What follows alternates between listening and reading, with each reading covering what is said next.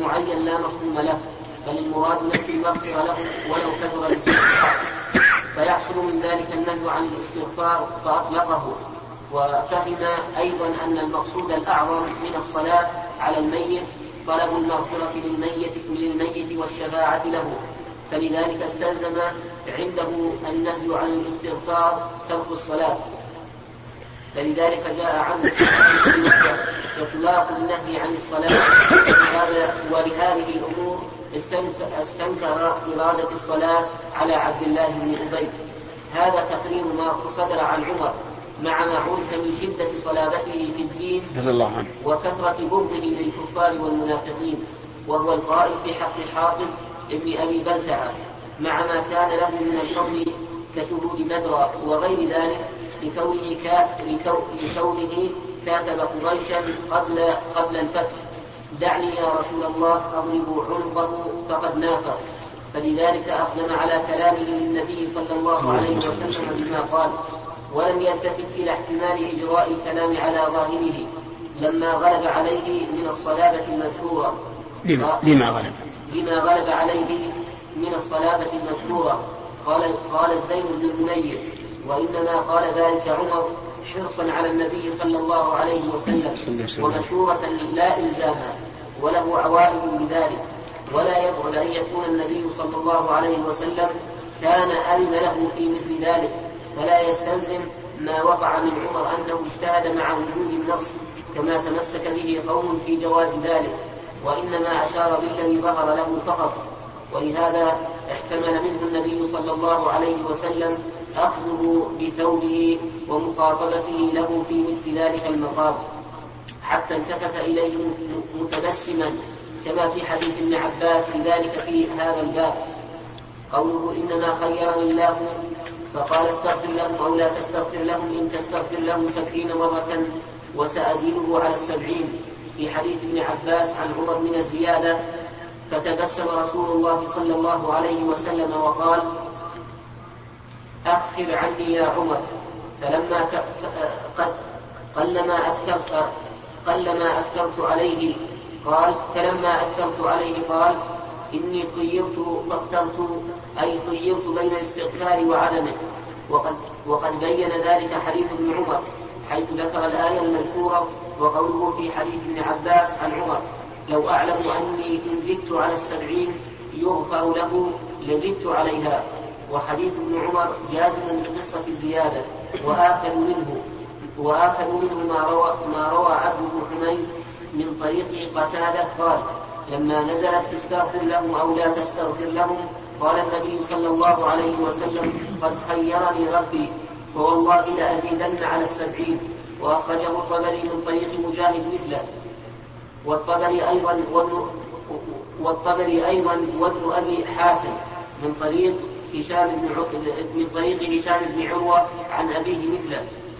وهذه طرق وإن كانت مراسيل فإن بعضها يعضد بعضا. وقد خفيت هذه اللفظة على من خرج أحاديث المختصر والبيضاوي واقتصروا على ما وقع في حديث الباب في حديث في حديثي الباب. ودل ذلك على أنه صلى الله عليه وسلم أطال في حال الصلاة عليه من الاستغفار له. وقد ورد ما يدل على ذلك فذكر الواقدي أن مجمع بن جارية قال ما رأيت رسول الله صلى الله عليه وسلم أطال على جنازة قط ما أطال على جنازة عبد الله بن أبي من الوقوف. وروى الطبري من طريق المغيرة عن عن الشعبي قال قال النبي صلى الله عليه وسلم قال الله تعالى إن تستغفر لهم سبعين مرة فلن يغفر الله لهم. فأنا أستغفر لهم سبعين سبعين وسبعين وسبعين. وقد تمسك بهذه القصة من جعل مفهوم العدد حجة وكذا مفهوم الصفة من باب الأولى. ووجه, ووجه الدلالة أنه صلى الله عليه وسلم فهم أن ما زاد على السبعين بخلاف السبعين فقال سأزيد على السبعين. وأجاب من أنكر القول بالمفهوم بما وقع في بقية القصة وليس ذلك بدافع للحجة لأنه لو لم يقم لو لم يكن الدليل على أن المقصود بالسبعين المبالغة لكان الاستدلال بالمفهوم باقيا. قوله قال إنه منافق فصلى, فصلى عليه. أما جزم عمر أنه صادق فجرى على ما كان يطير عليه من أحواله وإنما لم يأخذ النبي صلى الله عليه وسلم بقوله وصلى عليه إجراء له على ظاهر حكم الإسلام كما تقدم تقريره. واستصحابا لظاهر الحكم ولما فيه من إكرام ولده الذي تحققت صلاحيته ومصلحة الاستئلاف لقوله ودفع المفسدة. وكان النبي صلى الله عليه وسلم. في أول الأمر يصبر على أذى المشركين ويعفو ويصبح ويصبح. صلى وسلم عليه ثم أمر بقتال المشركين. أمر أمر. ثم أمر ثم أمر بقتال المشركين فاستمر صفحه وعفوه وعمل يظهر الإسلام. ولو كان باطله على خلاف ذلك لمصلحة الاستئلاف وعدم التنفيذ عنه. ولذلك قال لا يتحدث الناس أن محمدا يقتل أصحابه. فلما حصل الفتح ودخل المشركون في الإسلام وقل أهل الكفر وذلوا أمر أمر بمجاهرة المنافقين وحملهم على حكم على حكم على حكم على حكم على حكم على حكم مر الحق. وحملهم على حكم مر الحق. اسمع. ولا سيما. نعم. مر يمكن. مر الحق. على حكم مر الحق. ولا سيما وقد كان ذلك قبل نزول النهي الصريح عن الصلاة على المنافقين. وغير ذلك مما أمر فيه من مجاهرتهم وبهذا التقرير يندفع الإشكال عما وقع في هذه القصة بحمد الله تعالى. قال الخطابي إن ما فعل النبي صلى الله عليه وسلم مع عبد الله بن أبي ما فعل لكمال شفقته على من تعلق بطرف من الدين ولتطيب قلب ولده عبد الله الرجل الصالح ولتألف ولتألف قومه من الخزرج لرياسته فيهم فلو لم فلم فلو لم يجب سؤال ابنه وترك الصلاة عليه وترك. وترك الصلاة عليه قبل ورود ابنه الصريح لكان لكان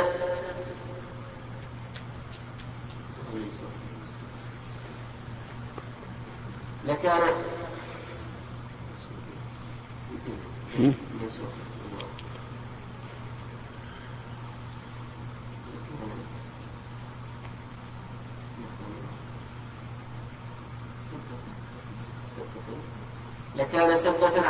وعارا على قومه فاستعمل أحسن الأمرين في السياسة إلى أن نهي فانتهى وتبعه وقال وعبر بقوله ورجى, ورجى أن يكون معتقدا لبعض ما معتقدا. معتقدا لبعض ما كان يظهره من الإسلام.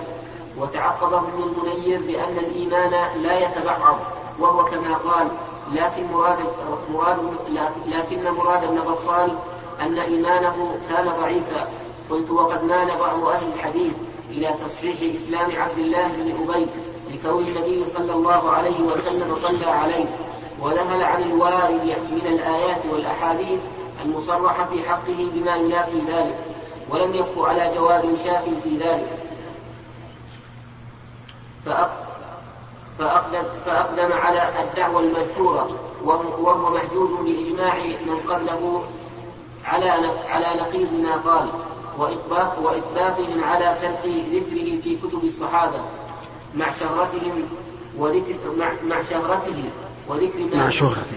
مع, مع, مع شهرته وذكر من هو دونه في الشرف والشهرة بأضعاف مضاعفة.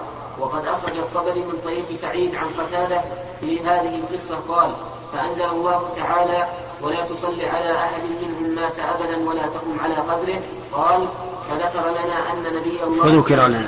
فذكر لنا أن أن نبي الله فذكر فذكر لنا فذكر لنا أن نبي الله صلى الله عليه وسلم قال وما يغني عنه قميصي من الله وإني لأرجو أن أن يسلم بذلك ألف أن يسلم بذلك ألف ألف من قومه. قوله فأنزل الله ولا تصلي على أحد منهم مات أبدا ولا تقم على قبره. زاد عن مسدد عن في حديثه عن يحيى القطان عن عبيد الله بن عمر في آخره فترك الصلاة عليه فترك الصلاة عليهم. أخرجه ابن أبي حاتم عن أبيه عن مسدد وحماد بن زادان عن يحيى. وقد أخرجه البخاري في الجنائز عن مسدد بدون هذه الزيادة. وفي حديث ابن عباس وصلى عليه ثم انصرف فلم يمكث إلا يسيرا حتى نزل زاد ابن إسحاق في المغازي قال حدثني الزهري بسنده في ثاني حديث حديثي الباب قال فما صلى رسول الله صلى الله عليه وسلم على منافق بعده حتى قبضه الله. ومن هذا الوجه أخرجه ابن أبي حاتم وأخرجه الطبري من وجه آخر عن ابن إسحاق فزاد فيه. ولا قام على قدره. وروى عبد الرزاق عن معمر عن قتادة قال لما نزل استغفر لهم أو لا تستغفر لهم إن تستغفر لهم سبعين مرة فلن يغفر الله لهم. قال النبي صلى الله عليه وسلم لأزيدن على السبعين فأنزل الله تعالى سواء عليهم أستغفرت لهم أو أن لم تستغفر لهم لن يغفر الله لهم. ورجاله ثقات مع إرساله ويحتمل أن تكون الآيتان معا نزلتا في ذلك. الحديث الثاني الحديث الثاني قوله. عن جابر؟ لأنه ما جاء وجه إحنا بإشكال ما جاء. ها؟ ما زال الإشكال نعم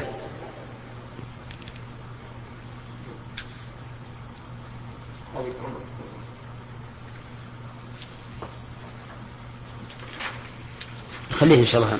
ما جاء اي هو المشكلة حديث جابر مع حديث ابن ابن عمر. نعم.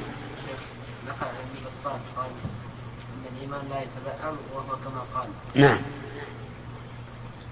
إيه معناها لا يصل الإنسان مؤمن كافر.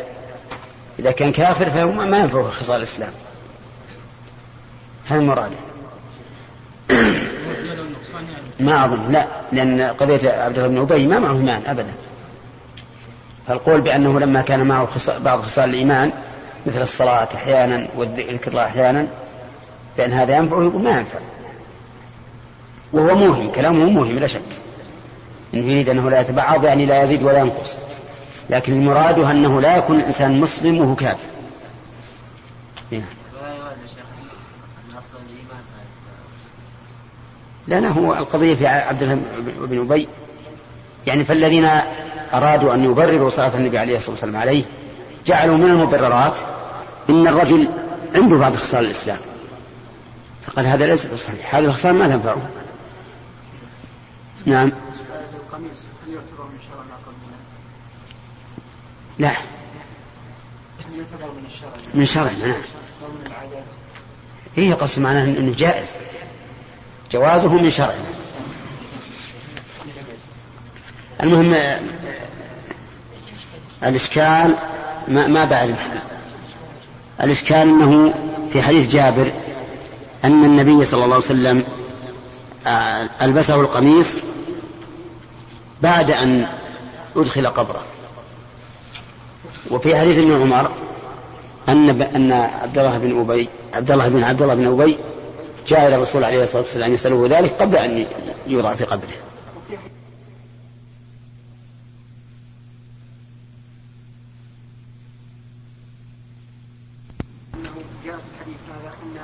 الله ابن عبد الله بن ابي هو الذي جاء إلى النبي وفيما ذكر ابن حجر في تفسير سورة القراءه أن عبد الله بن أبي هو الذي جاء. أرسل إليه. أرسل إليه. ما فيه أنه جاء. لا فيه أنه أرسل إليه. نعم. ها؟ بالنسبة للاستدلال بهذا الحديث على أن على أن مفهوم اللقب على مفهوم العدد. إيش؟ على العدد اللي يذكر. على ما ثبوت مفهوم العدد؟ إيه؟ ها؟ ابن حجر في أثناء سرد الكلام نعم. رد على هذا القول برد ما إيش؟ رد عليه برد بإسناد اي نعم. رد عليه بأنه حتى لو, لو, لو قلنا بأن المراد بذلك التسوية فإن ثبوت العدد فإن مفهوم العدد ثابت. لأنه يدل على أن السبعين إذا زاد عليها فإنه يحتمل أن الله يغفر لهم. لا زاد عليه. كما كما فهم النبي عليه الصلاة والسلام. ومفهوم العدل ما في إشكال. حديث البراء بن مالك أربع لا تجوز في الأضاحي وغيره. ها؟ أيه ما في العدد العدد. لا اللقب لا قد لا نقول بذلك. اللقب قد لا نقول لأن اللقب ليس فيه وصف معين حتى يتقيد به. مثل أكرم محمدا لا يعني أنك لا تكرم غيره. لأن كلمة محمد ما تدل على شيء يفهم منها أنك لا تكرم غيره. لكن لو قلت أكرم المجتهد صار له مفهوم. نعم. اللي هم العدد حجة لا شك نعم. مفهوم العدد حجة. إلا إذا إلا إذا قام دليل على عدمه. المهم يا أخوان الآن إحنا ما زال الإشكال عندي. الإشكال في الجمع بينهما نعم. أن النبي صلى الله عليه وسلم أعطى ابنه القميص وألبسه هنا يعني هنا في الحديث الآخر أعطاه فقط وأما الحديث الذي قبله ألبسه فقط نعم.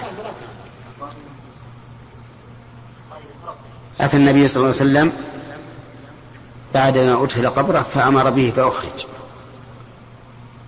وهذا يدل عنه بلا طلب.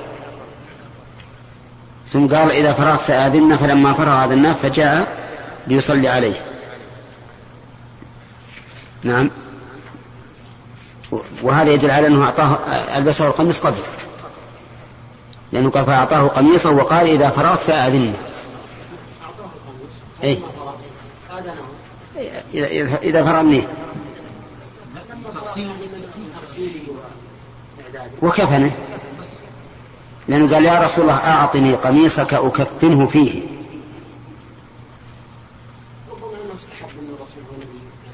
والله ما أدري. هذا أقول عني خلاف الظاهر. قول أعطني وكفني ثم قال إذا إذا فرغت على المن إيه. إيه, إيه ما في شك هذا هو الظاهر. نعم. القول الصحيح في في تارك الصلاة. إذا قدمت جنازة وشهد حج الجماعة هذا فلان صاحب الجنازة وهو لا يصلي. نعم. هل لم تنف عن الصلاة؟ إيه يجب يجب الامتناع عنه شهادة رجل واحد. خبر إي نعم هذا خبر ديني. من جنس الحسبة. فإذا كان هذا الرجل ثقة ولم نعلم أن بينه وبينه عداوة وجب علينا القبول. ما نصلي عليه.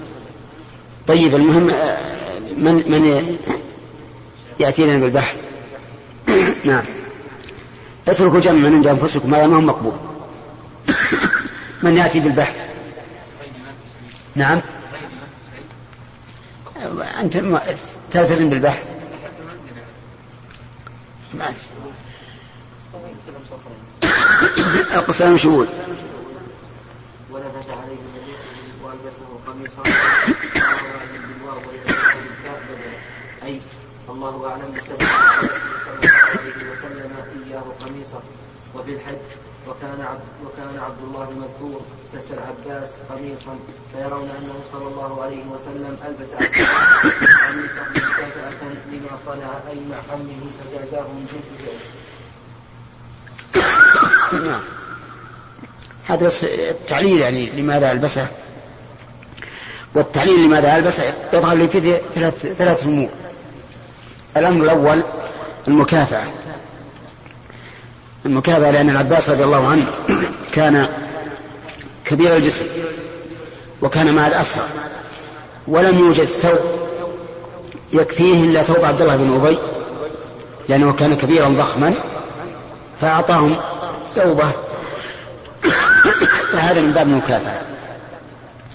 الثاني من باب لا يتحدث الناس أن محمدا يقتل أصحابه. وما دام الأمر لم يرد فيه نهي فهو في حل.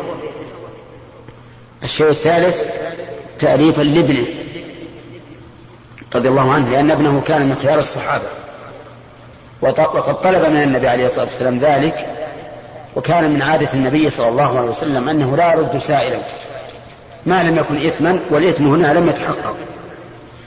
لأنه ما نهي عنه. الرابع تأليف قومه لأن الرجل كان شريفا في قومه وسيدا في قومه.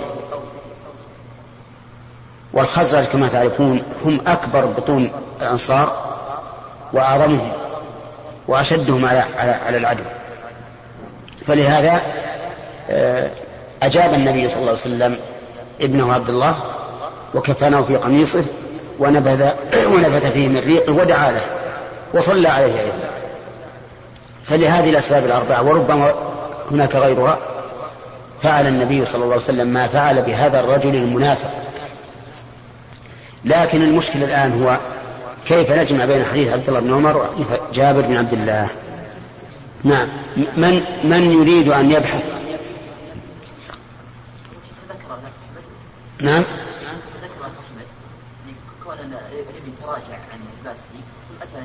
فقال ما ما حققها لنا أنت. نعم. ما لك شيء ترتيب ما لك شيء ترتيب. لكن القصة مرتبة. القصة مرتبة. الواو لا تقتضي الترتيب ولا تمنع الترتيب. على كل حال ما في أحد.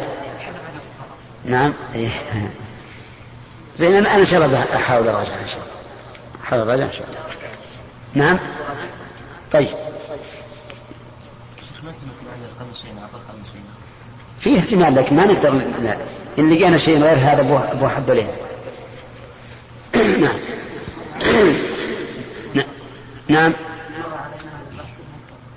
راجع الأشرطة وجيب لنا الخلاصة. أنا أذكر ذكرنا هذا أي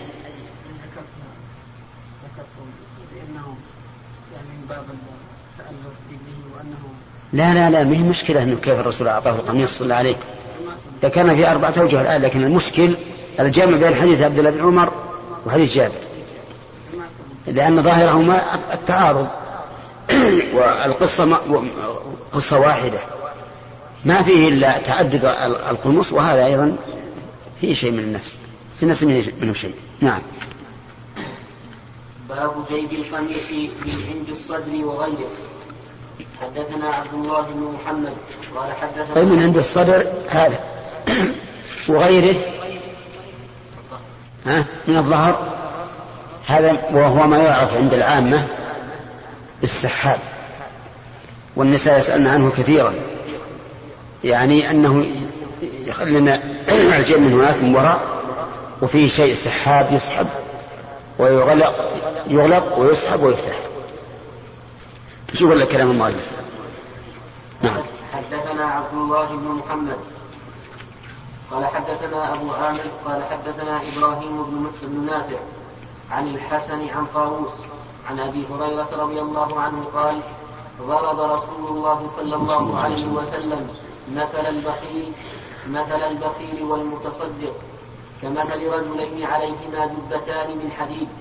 قد اضطرت أيدي قد اضطرت اضطرت. اضطرت فتح عندك؟ يمكن. نعم. إذا كان إذا كانت اضطرت فيجب أن تكون أيديهما بالنصب. ها؟ منصوبة؟ طيب. زين. ماشي. لكن بالنصب لا بأس. نعم. قد اضطرت أيديهما إلى اضطرت. إذا جعلتها بالفتح فأيديهما. إذا فتحت الطاء فافتح الياء. نعم. قد اضطرت أيديهما إلى ثديهما ثديهما ثديهما إلى ثديهما وتراقيهما فجعل المتصدق كلما تصدق بصدقة انبسطت عنه حتى حتى تغشى أنامله وتعفو وتعفو, وتعفو أثره وجعل البخيل كلما هم بصدقة خلصت وأخذت وأخذت كل حلقة بمكانها. قال أبو هريرة فأنا رأيت رسول الله صلى الله عليه وسلم يقول يقول بأصبعه هكذا في جيبه فلو رأيته يوسعها ولا تتوسع. تابعه ابن طاووس عن أبيه وأبو, وأبو الزناد عن الأعرج في الجبتين. وقال حنظلة سمعت طاووسا سمعت أبا هريرة يقول جبتان وقال جعفر عن الأعرج جنتان. وقال جعفر؟ وقال جعفر عن الأعرج جنتان. ابن ربيعة؟ إيه؟ وش بعده؟ جنتان. الغريب إني عندي أنا شوف 16 16 جنتان. قال عياض اضروي هنا بالباء. والنون. والنون أصوب.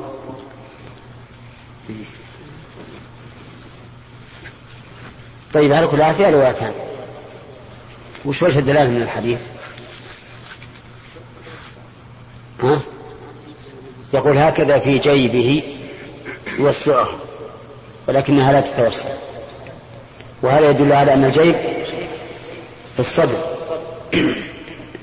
نعم شوف الترجمة وش يقول الشارح؟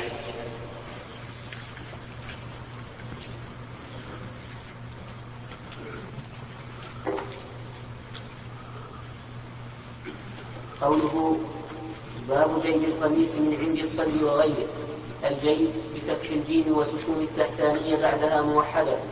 هو ما يقطع هو ما يقطع من الثوب ليخرج منه ليخرج منه الرأس أو اليد أو غير ذلك. واعترضه الإسماعيلي فقال الجيب الذي يحيط بالعنق. جيب الثوب أي جعل فيه ثقب جيب. جيب الثوب أي جعل فيه الثقب وأورده البخاري على أنه ما يجعل في الصدر ليوضع فيه الشيء. وبذلك فسره أبو عبيد لكن ليس هو المراد هنا وإنما الجيب الذي أشار إليه في الحديث هو الأول. كذا قال وكأنه يعني ما وقع في الحديث من قوله ويقول ويقول بإصبعه هكذا في جيبه. فإن الظاهر أنه لا فإن الظاهر أنه كان لا كان لابس لابس أو لابس قميص. أنه كان لابس قميص وكان في طوقه فتحة إلى صدره ولا مانع من حمله على المعنى الآخر بل استدل به ابن بطال على أن الجيب في ثياب السلف كان كان عند الصدر. قال وهو الذي تصنعه النساء بالأندلس وموضع وموضع الدلالة منه أن البخيل إذا أراد إخراج يده أمسكت في الموضع الذي ضاق عليها وهو الثدي والتراقي وذلك في الصدر. قال فبان أن جيبه كان في كان في صدره لأنه لو كان في يده لم لم تضطر يداه إلى ثدييه وتراقيه قلت وفي حديث قرة بن إياس الذي أخرجه أبو داود والترمذي وصححه وابن حبان لما بايع النبي صلى الله عليه وسلم. قال لما بايع النبي صلى الله عليه وسلم قال فأدخلت يدي في جيب في جيب قميصه فمسست الخاتم. ما يقتضي أن جيب قميصه كان في صدره لأن في أول الحديث أنه رآه مطلق القميص أي غير غير مزرور وذكر المصنف في الباب حديث مثل البخيل والمتصدق وقد مضى شرحه مستوفى في كتاب الزكاة. وقوله في هذه الرواية ما مادت بتخفيف الدال أي مالت. ولبعض الرواة مارت بالراء بدل الدال أي سالت. وقوله تديهما وقوله ثديهما بضم المثلثة على الجمع وبفتحها على التثنية الجيب الآن تبين لنا أنه يطلق على معاني منها الفتحة التي يدخل منها الرأس ومنها ما توضع فيه النفقة يعني المخبات تكون في الجيب هنا. ومر علينا في الفقه في باب الوديعة أن الجيب أيضا اللي تكون فيه النفقة قد يكون في الكم يعني يجعلون فيه مخبات في الكم. وسبق لنا أنه إذا عين له أن يجعل الدراهم في الكم فجعلها في الجيب أو بالعكس فإنه يضمن إذا كان أحدهما أحفظ من الآخر فجعله فيما دون الأحفظ ولكن المراد فيما يظهر أن المراد بالجيب ما يدخل فيه الرأس. والعادة هو أن الذي يدخل فيه الرأس يكون متسعا يعني أوسع مما يكون طوقا على الرقبة. لأن الرأس أضخم من الرقبة. فلا بد له من فتحة تكون أوسع من الطوق الذي يكون على الرقبة. ولكن المؤلف رحمه الله لم يتعرض لقوله وغيره. وهذا غريب. نعم. نعم. إيش؟ اليد؟ إي نعم هذا على القول بأن الجيب هو ما تضع فيه النفقة. لكن إذا جعلنا الجيب الفتحة التي يدخل منها الرأس لا يمكن أن تكون في الكم. نعم. كيف؟ نعم. يقول الذي يحب العنق يقول هو ما يقطع من الثوب يخرج منه الراس أو اليد هذا نظر فيه. نظر فيه فيما بعد. وانما الجيب الذي اشار اليه الحديث هو الأول اللي هو هو الأول اول ما ذكر هو قال الجيب الذي قال آه، الجيب بفتح الجيم وسكون تحتانية بعدها موحدة وما يقطع من الثوب ليخرج منه الرأس أو اليد أو غير ذلك ثم ذكر بعده قال والذي في الحديث هو الأول. لا ما اقرأ زين. أقرأ من الأول أي ما يقول الجيب بفتح الجيم وسكون التحتانية بعدها موحدة هو ما يقطع من الثوب ليخرج منه الرأس أو اليد أو غير ذلك.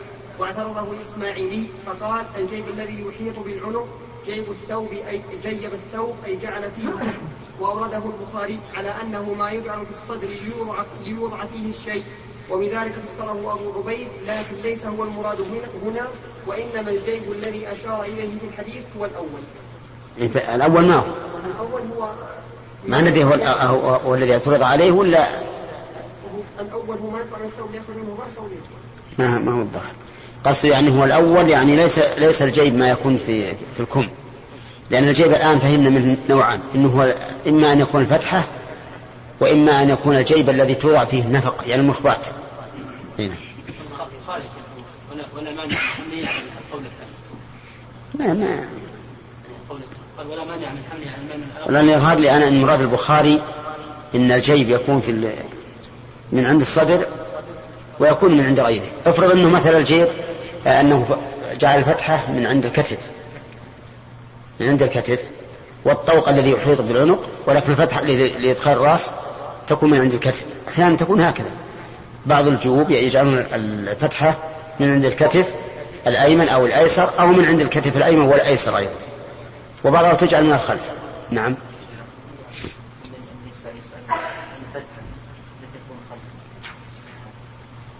ها؟ إيش؟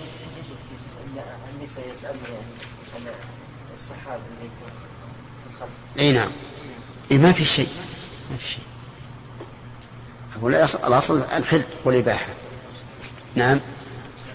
قال قال يقول باصبعيه هكذا. نعم. ابن حجر قال يقول باصبعيه نعم. هنا أفرد وهنا ثنى عندي باصبعين نسختان فيها نسختان عندي يمكن المتن الطابع جعله على المتن والشارح جعله على النسخة الأخرى. نعم. إيه في المتن نسختين بأصبعه وأصبعيه نعم. نعم. كيف؟ التمثيل هذا يدل على أن الجيب في الجيب في الصدر. نعم. هل المتصدق إذا أراد أن يتصدق؟ قال له الشيطان أنت إذا تصدقت صرت فقيرا ونفد مالك. وقل وبدل ما كان عند الصدقة يرى أن ماله واسع وكثير متحمل للصدقة فيأتيه الشيطان ويضيق عليه. وأما الكريم فإنه بالعكس إذا أراد أن يتصدق قال أنت لم تنفق نفقة إلا أخلف الله عليك خيرا منها. وزادك واتسعت الأمور عنده فصارت عليه الصدقة. نعم. لو كان محتاج. نعم. يتصدق وهو محتاج. لا لا يبدأ بنفسه أحسن. يبدأ بنفسك ثم بمن تعود. لكن البخيل لا يكون عنده مال قارون ويجيب فقير يقول ما بإلا ريال واحد والله ريال أنا عندي 100 مليون إذا أعطيتك ريال صارت 100 مليون إلا ريال. نعم؟ ما أعطيك شيء. خليها يبقى. أما الغني آه، الكريم فإنه بالعكس يقول أنا أعطيك الآن درهم ويخلف الله علي يخلف الله عليه عشرة. هنا إيش؟ ها؟ الثري هذه. والتراقي هذه العظم الناتئ. العظم الناتئ من من أسفل الرقبة. لا الأنامل غير. تراقي. هذا العظم الناتئ معروف. ها؟ اي هي يعني تغطي تغطي أنامله. لا هذاك في اليدين. واللي يغشي الانامل هو القميص. يعني يتسع وينزل. نعم. عرفت فرقها الآن وأين هي؟ نعم أي نعم صح. هي العظم الناتئ هذه. نعم. ها؟ كيف؟ اي الأجل خلاص. نعم. باب من لبس جبة ضيقة الكمين في السفر. حدثنا قيس بن حرب. قال حدثنا عبد الواحد. قال حدثني الأعمش. قال حدثني أبو الضحى. قال حدثني مسروق. قال حدثني المغيرة بن شعبة. قال انطلق النبي صلى الله عليه وسلم لحاجته ثم أقبل. هذا فيه التسلسل ولا لا؟ السند ها؟ تسلسل بالتحديث. وين اختلفت الصيغة؟ بعضها حدثني وبعضها حدثنا. نعم. قال انطلق النبي صلى الله عليه وسلم لحاجته ثم أقبل. ثم أقبل فتلقيته بماء فتوضأ وعليه جبة شامية فمضمض واستنشق وغسل وجهه فذهب فذهب يخرج يديه من كميه فكانا ضيقين فأخرج يديه من تحت الجبة فغسلهما ومسح برأسه وعلى خفيه. صلى الله وسلم عليه. نعم. فأخرج فأخرج يديه من تحت الجبة إيه عندكم من تحت بدنه هي نصف هذا نعم. ومسح برأسه وعلى خفيه البخاري رحمه الله يقول في السفر فقيد المسألة في السفر والظاهر أنه غير مراد لأن وقوع ذلك من النبي صلى الله عليه وسلم في السفر لا يقتضي منعه في الحضر أي منع لبس الجبة الضيقة للكم والغالب في الشتاء وهذه كانت غزوة تبوك. وتبوك بلاد باردة. الغالب في الشتاء أن الثياب تتعدد فتضيق الأكمام. وربما يكون فيها صوف أو شعر فتضيق. ففي هذا دليل على أنه لا مسح إلا في الخفين. وأما اليدان فلا مسح فيهما. حتى وإن شق النزع ولهذا لا يمسح في الوضوء إلا عضوان فقط. أحدهما الرأس والثاني الرجلان. والحكمة في ذلك ظاهرة. أما الرأس فلأنه شعر ولو كلف الناس بغسل لشق عليه شتاء وصيفا. وأما القدمان فلأنهما آلة المشي. بهما يمشي ويلامسان الأرض فيحصل في ذلك مشقة إيه، إذا خلع الخف أو الجورب وغسل الرجل. فكان من الحكمة أن يسر على العباد فأجزى المسح. أما اليدان والوجه فلا مسح فيهما. لو فرض أن, أن الإنسان غطى وجهه لمرض أو لسبب من الأسباب فإنه لا يمسح عليه. وكذلك لو كانت اليد عليها قفازان وأكمام ضيقة فإنه لا مسح بل يجب أن توصل وفي هذا الحديث دليل على أنه لا بد من غسل الأعضاء الأربعة وأنه لا يسقط غسل شيء منها بلا, بلا ضرورة. لأن الرسول صلى الله عليه وسلم تكلم تكلف خلع يديه حتى أخرجهما من الكمين ونزلهما من تحت من أسفل الجبة. وهل يؤخذ منه أن الفخذ ليس بعورة ها؟ يعني لو قال قائل إذا نزلت يديك من, أسفل من الجبة ثم أردت تغسلها سيرتفع أسفل الأسفل ها؟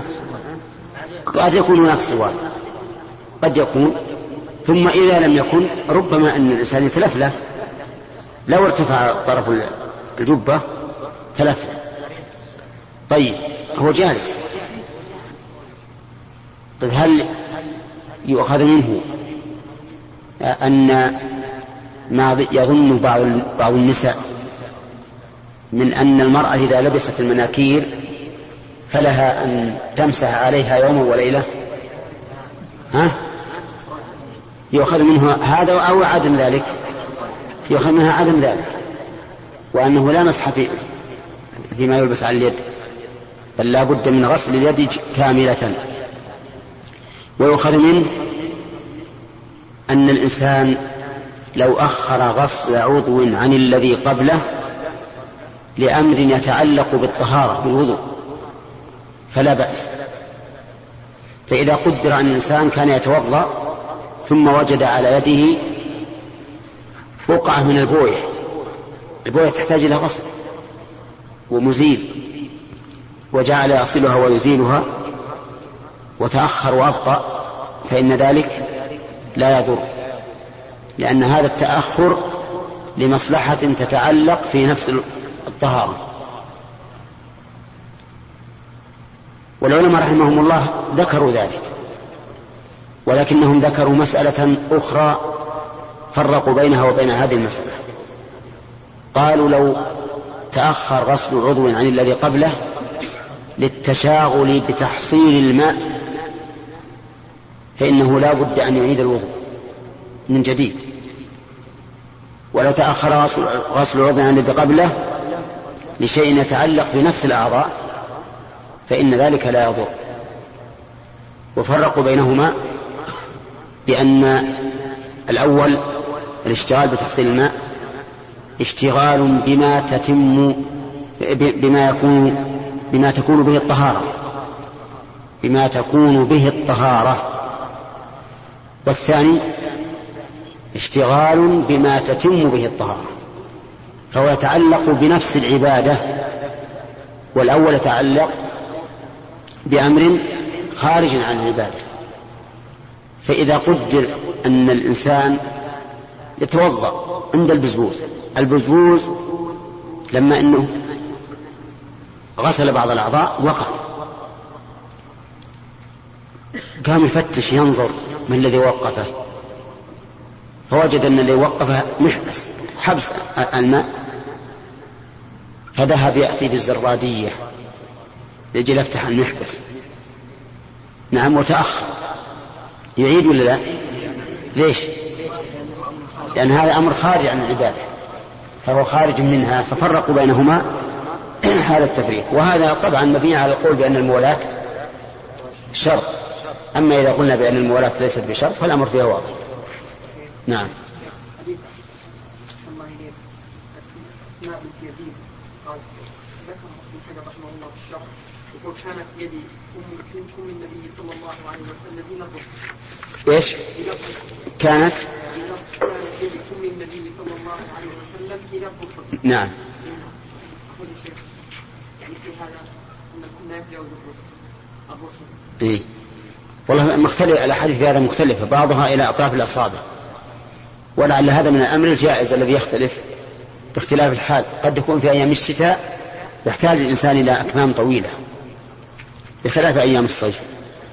وأيضا قد يكون العمال يحتاجون إلى أكمام طويلة من أجل قبض آلات الحراثة وما أشبه ذلك. فالظاهر أن الأمر في هذا واسع. نعم. نعم. نعم. انتهى. وهو فاتح نعم. صحيح صحيح. نعم. لا لا يقيده لا, يقيده هو ظاهر ظاهر الآية يوافق ما فهمه عمر منها أنها للمبالغة ويؤيدها الآية التي في المنافقين. استغفر سواء عليك سواء عليهم أستغفرت لهم أم لم تستغفر لهم. لكن النبي عليه الصلاة والسلام فهم منها خلاف ما فهم عمر. فهم منها أنه أنه ليس المبالغة وإذا لم تكن المبالغة فلها مفهوم.